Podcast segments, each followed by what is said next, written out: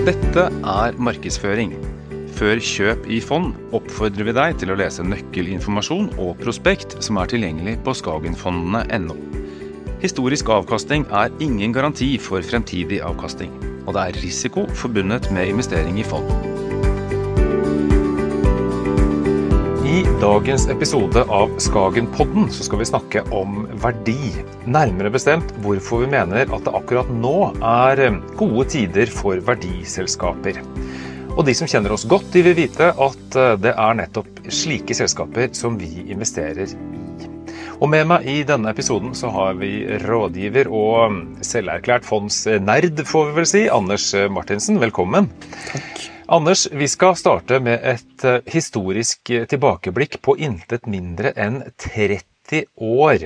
Og mm, på den tiden så var Skagen Vekst vårt eneste fond, og dermed har eh, de som har vært med fondet fra start, opplevd eh, skal vi si, historiske omveltninger.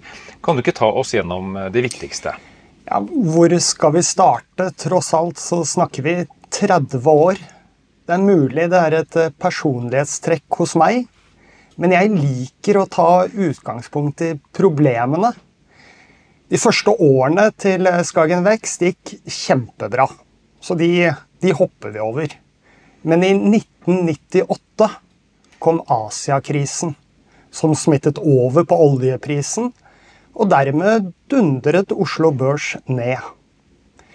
Året etter var fantastisk, men så kom IT-bobla i år 2000. 9-11 i 2001 og Enron-skandalen året etterpå. En skikkelig kjedelig periode, da nedgangsperioden var så lang og seig.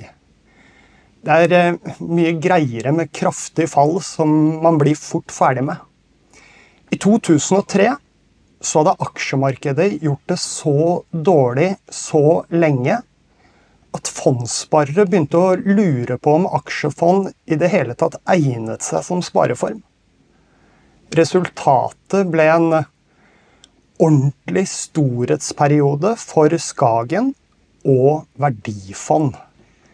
Disse årene som fulgte etter 2003, var kanskje de aller stolteste årene til Skagen, og dermed også Skagen Vekst sin periode. Her var Skagen såpass populært at vi vurderte nesten kølappsystem på kontoret. Så kom den kraftigste og mest kjente nedturen av dem alle, nemlig finanskrisen. Oslo Børs mer enn halverte seg. En kort og brutal nedtur eskalerte høsten 08, bundet ut allerede mars 2009. I 2011 hadde vi eurokrise, og i 2018 var det handelskrig mellom USA og Kina. Og Oslo Børs fikk sitt sjette kalenderår med negativ årsavkastning. Sånn, det var aksjemarkedet på 30 år med fokus utelukkende på de årene med negativ kalenderavkastning for eh, vår hjemlige børs. Og så er det jo sånn Jeg har et jeg har et lite poeng med hvorfor jeg fokuserer på det negative. Tenk deg følgende, da. Tidenes mest uheldige investor som kjøper Skagen Vekst ved seks anledninger.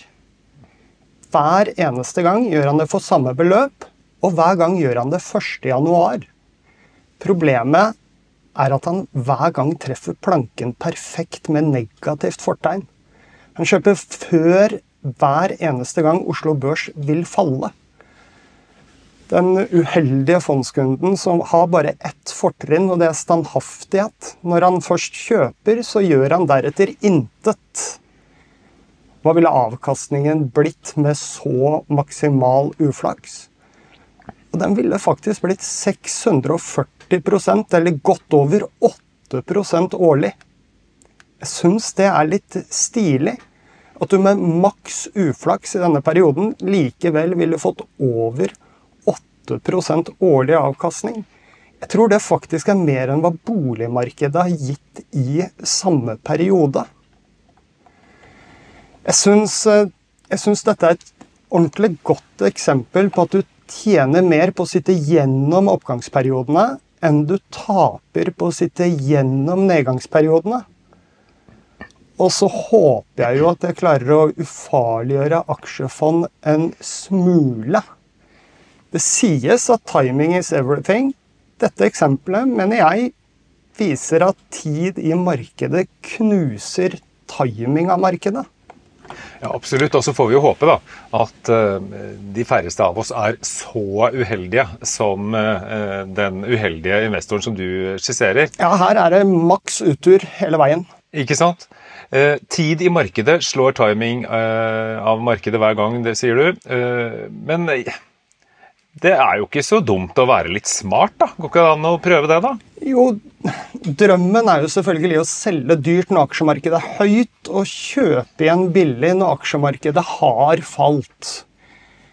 Jeg begynner jo å bli en voksen mann. Jeg har jobbet med dette med fond i 23 år nå. Jeg har aldri opplevd en kunde som lykkes med dette over tid. Rett som det er, treffer jeg kunden, treffer kunden én gang. Men da blir de ofte litt høye på seg selv og bommer neste gang. En annen klassiker. Kunden slår seg på brystet og skryter av at de klarte å selge før en eller annen nedtur. Greit nok, men da, da har du jo ikke tjent penger før du har kjøpt tilbake de samme andelene på lavere kurser. Det er mange grunner til at det er vanskelig. Og det er fort gjort å glemme, men du må jo ha rett to ganger. Både ved salget og ved kjøpet. Tro meg, det er kjempevanskelig. Jeg skal, jeg skal, innrømme at jeg har prøvd selv. Strengt tatt eh, tror jeg nesten ikke det hjelper hva vi sier. Kanskje må mange kunder prøve å være smarte, for så å erfare hvor vanskelig dette er. Jeg, er opptatt av at vi fondssparere skal lære. Vi skal akkumulere kunnskap. Prøver du deg på timing, er det min anbefaling at du evaluerer selv underveis. Gjør du samme erfaring som meg, tror jeg du kommer bedre ut av en kjøp-og-hold-strategi. Erfaringer er gull verdt, det. Faren oppstår den dagen læringskurven er ikke-eksisterende, og du fortsetter å gjøre de samme feilene. Og en ting til som slår meg når vi snakker om timing om timing var enkelt, så hadde jo kombinasjonsfond vært å foretrekke framfor aksjefond. Da tenker jeg på kombinasjonsfond som aktivt kan vekte seg opp eller ned i aksjer, avhengig av hvordan de opplever verden. Mulig jeg følger for dårlig med, men jeg har fortsatt ikke sett et kombinasjonsfond som slår et gjennomsnittlig long only aksjefond over tid. Nei, det, det, kan nok stemme. Samtidig så er jo kombinasjonsfond Vi skal jo ikke disse det for mye heller, for det er jo eh, en god løsning for de som syns det er krevende å sitte og følge med og liksom sette seg inn i ting. Eh, så kan jo eh, gode kombinasjonsfond være et godt eh, alternativ, da. Absolutt. Du, eh, Anders, Hva er de vanligste feilene du mener investorer eh, gjør når de prøver å time markedet? Kaste kortene på feil tidspunkt i feil fond. Alle som har forsøkt på timing, har garantert opplevd følgende. Du finner ut at porteføljen har for høy risiko, for mye aksjefond. Etter at markedet allerede har falt.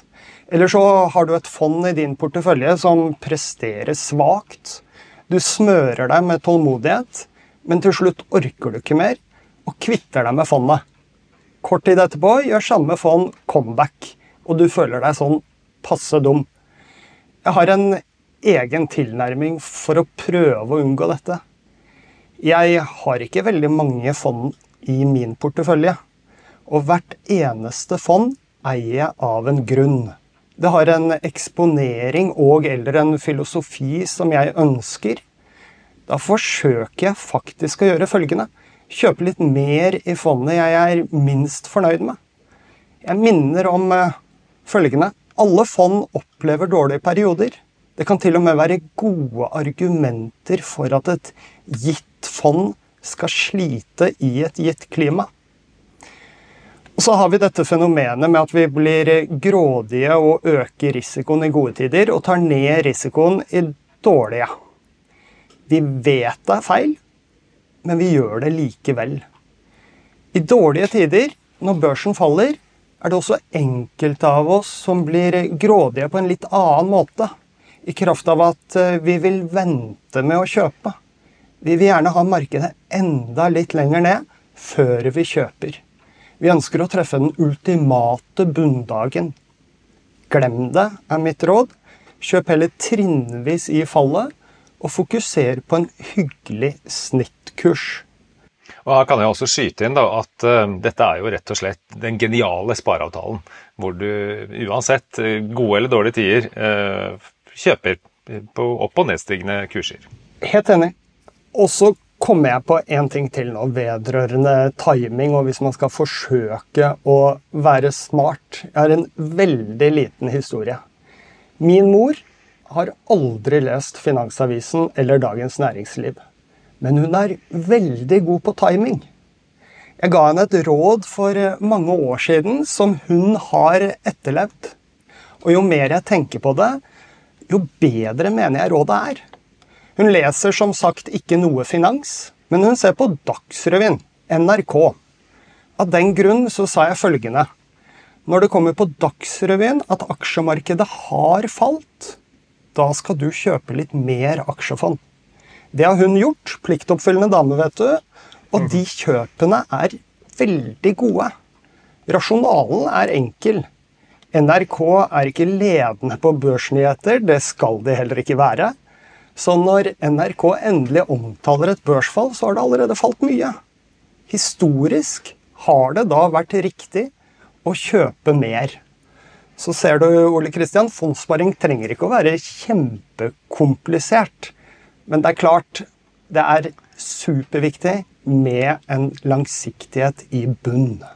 Ja, eh, nå skal det vel sies at du og jeg eh, kan nok ikke sammenlignes med så mange andre, i og med at vi da jobber i Skagen og jobber med fond. sånn at eh, det kan nok være noen som syns at fondssparing er litt vrient uansett.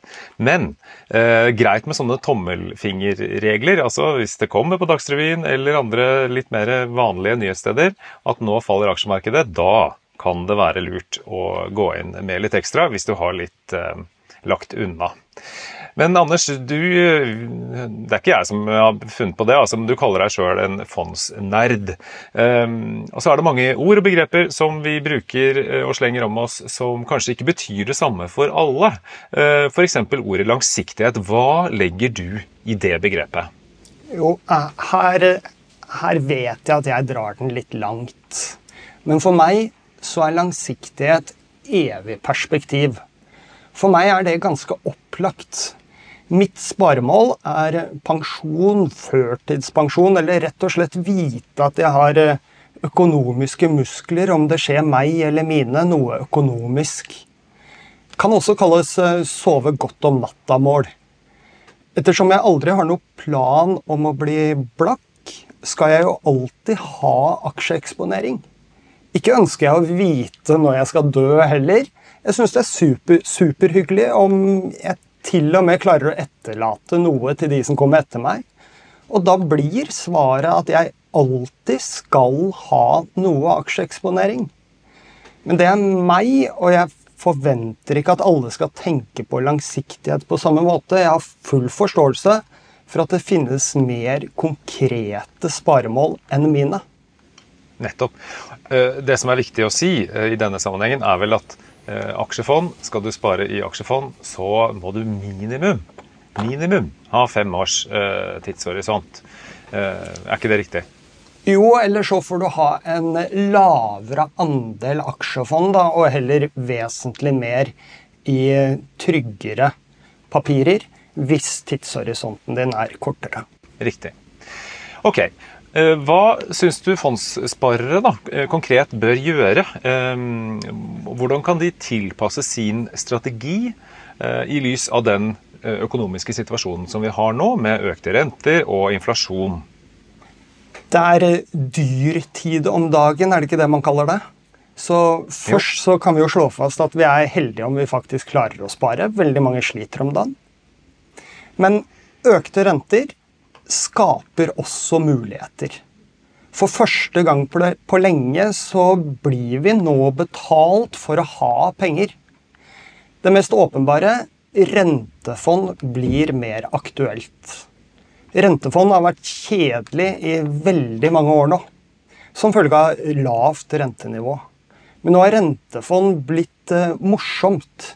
I likviditetsfond, også kalt pengemarkedsfond, kan du nå få opp mot 6% effektiv rente.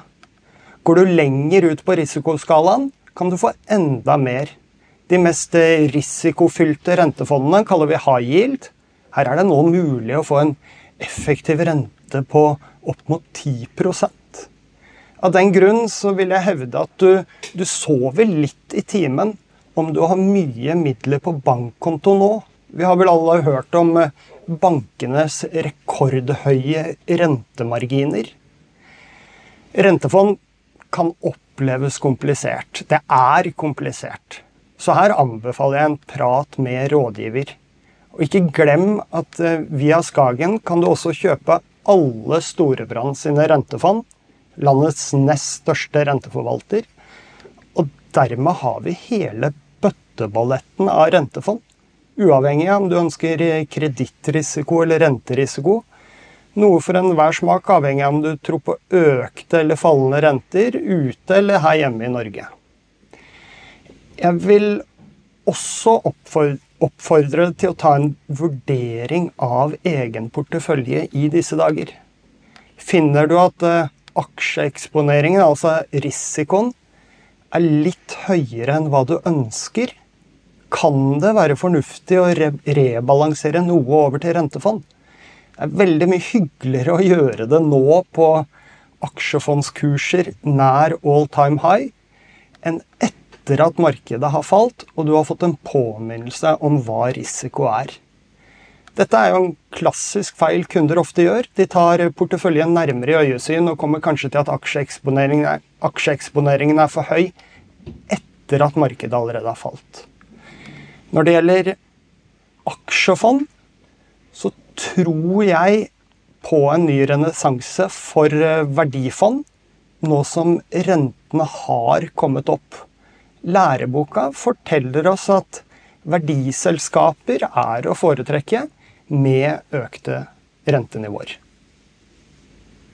Ja, og så er det dette Det er disse vanskelige ordene, da. Eller vanskelig, men eh, hva, hva, er et verdiselskap? Forklar hva det er. Ja, jeg kan prøve å forklare det.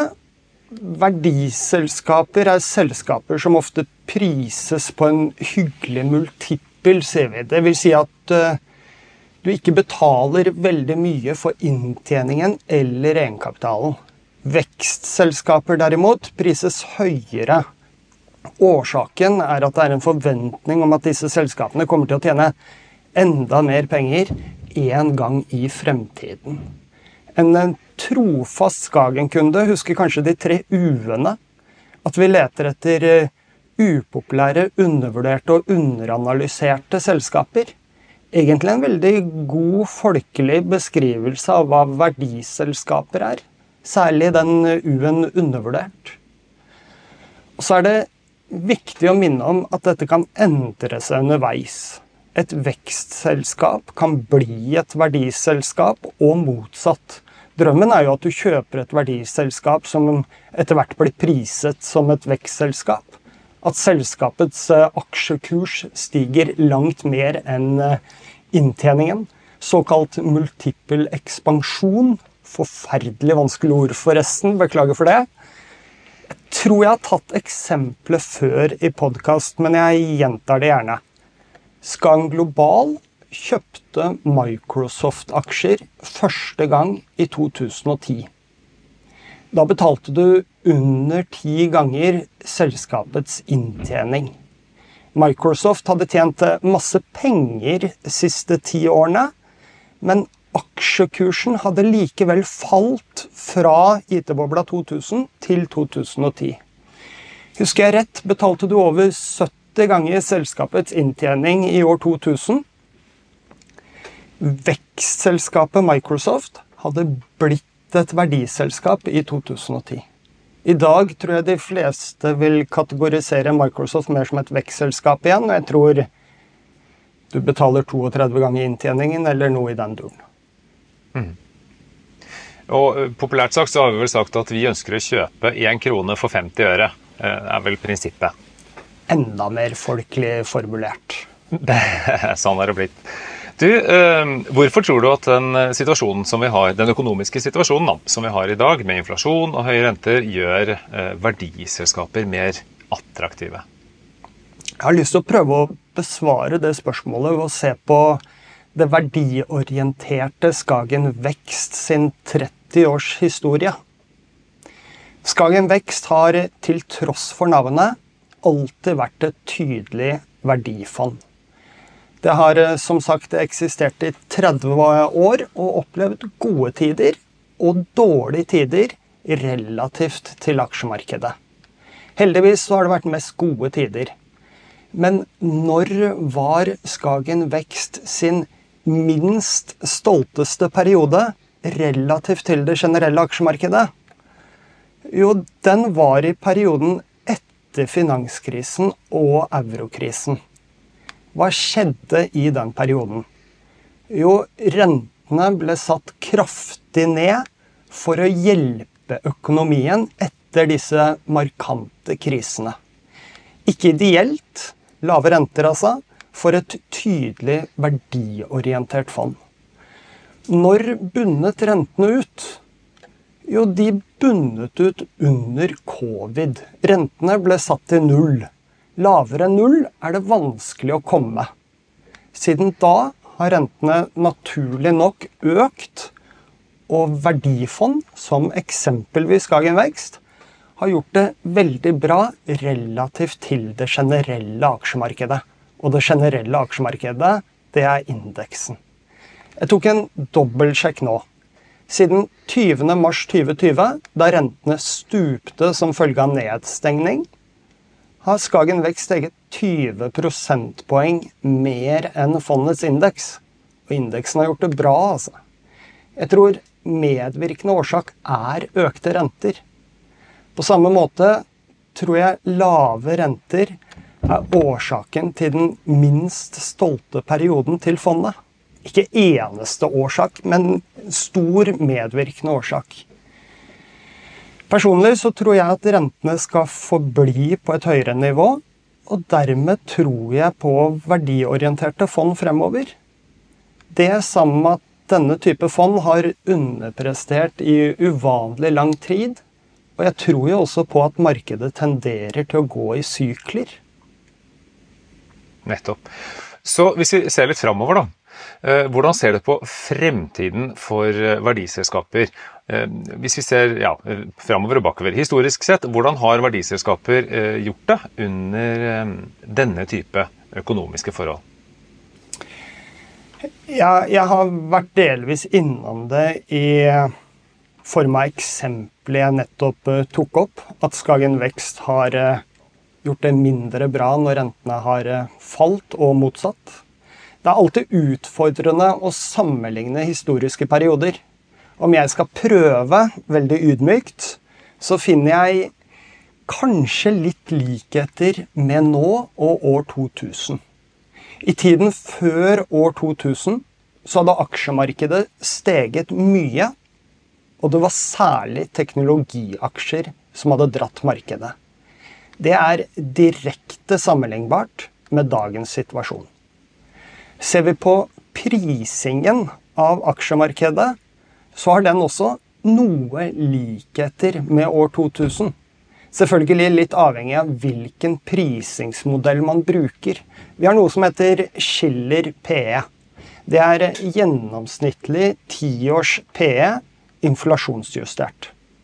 USA har en verdsettelse i nærheten av all time high. Og all time high det var i år 2000, før IT-bobla. Og teknologi er desidert største vektingen i indeksen. Akkurat slik som det var i år 2000.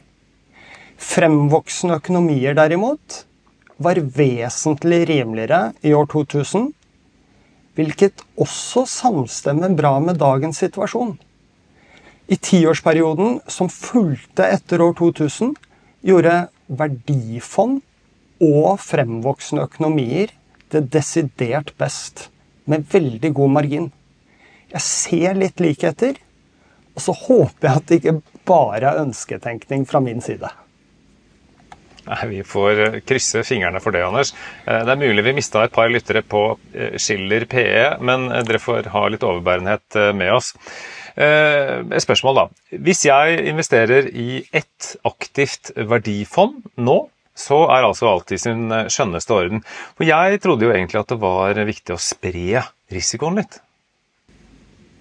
Ja, Godt spørsmål. Og jeg mener ikke at det er fullt så enkelt.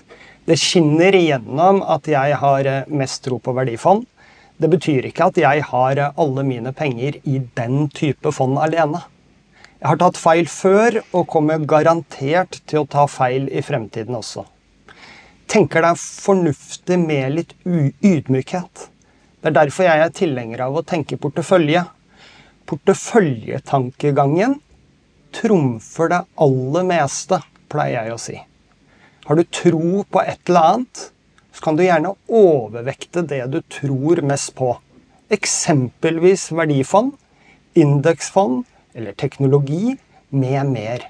Men vær litt ydmyk overfor at du kan ta feil.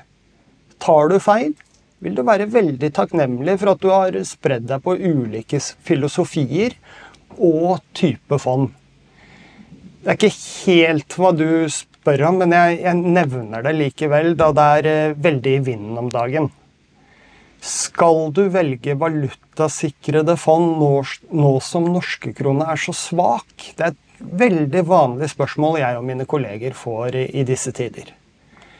Porteføljetankegangen, som jeg altså mener trumfer alt, er medvirkende årsak til at jeg ikke har noe valutasikrede fond, og at jeg relativt sjelden tar anbefalte til kunder.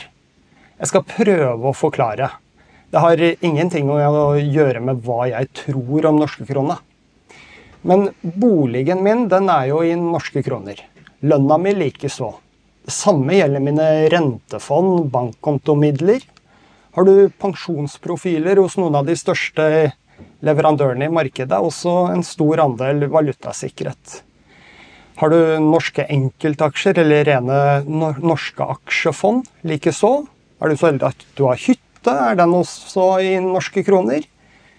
Poenget mitt er at veldig ofte er globale aksjefond den eneste eksponeringen vi har i annen valuta enn norske kroner. Hva skal vi gjøre i fremtiden? Jeg vet ikke med deg, men jeg skal i hvert fall reise, drikke vin og kjøpe varer som ofte er produsert i utlandet. Så kanskje trenger jeg derfor noe valutarisiko på deler av kapitalen min.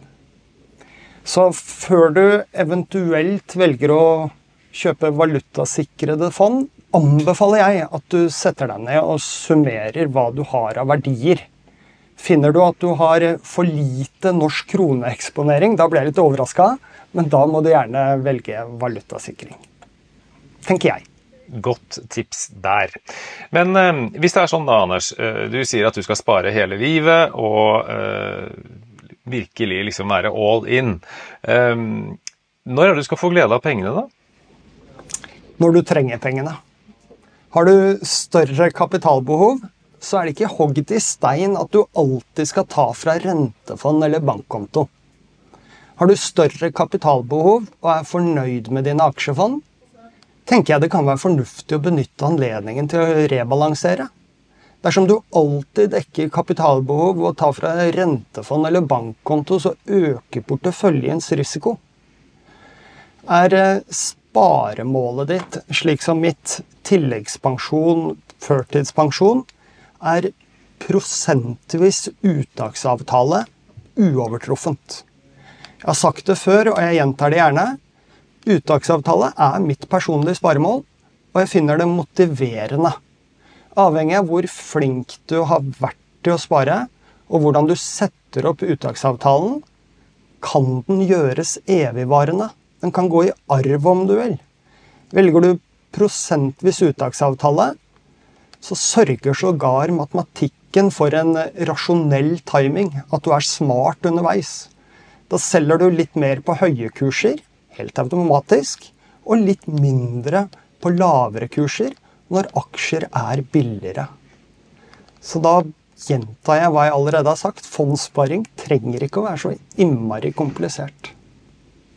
Nei, og akkurat uttaksavtaler, det vet vi jo. Vi har hatt informasjonsmøter nå i høst. Og når vi har, når vi har snakket om, og møtt folk og snakket om eh, de fortreffelige egenskapene ved uttaksavtaler, så blir folk egentlig ganske overraska over at det er mulig. Men det er det faktisk. Så gå inn på nettsiden vår og sjekk, eh, test ut eh, hvordan en uttaksavtale kan slå ut for deg. Ja, nei, Anders, vi, jeg er enig med deg. Jeg, Fondssparing trenger ikke være så innmari komplisert. Og eh, hvis du virkelig vil gjøre det enkelt, så har vi jo også disse eh, kombinasjonsfondene som vi har snakket om. Og det kan man si er en slags alltid-ett-løsning. Og um, hvis du vil finne ut hvilket kombinasjonsfond som passer deg, så um, kan du prøve ut uh, fondsguiden vår. Det er bare å svare på noen enkle spørsmål, og så får du et forslag opp i denne uh, ja, kalkulatoren, får vi kalle det. Og som alltid, har du spørsmål til oss, så ta kontakt, og så hjelper vi deg. Jeg skal si tusen takk til deg, uh, Anders. Selv takk. Og um, ikke minst tusen takk til deg som hørte på.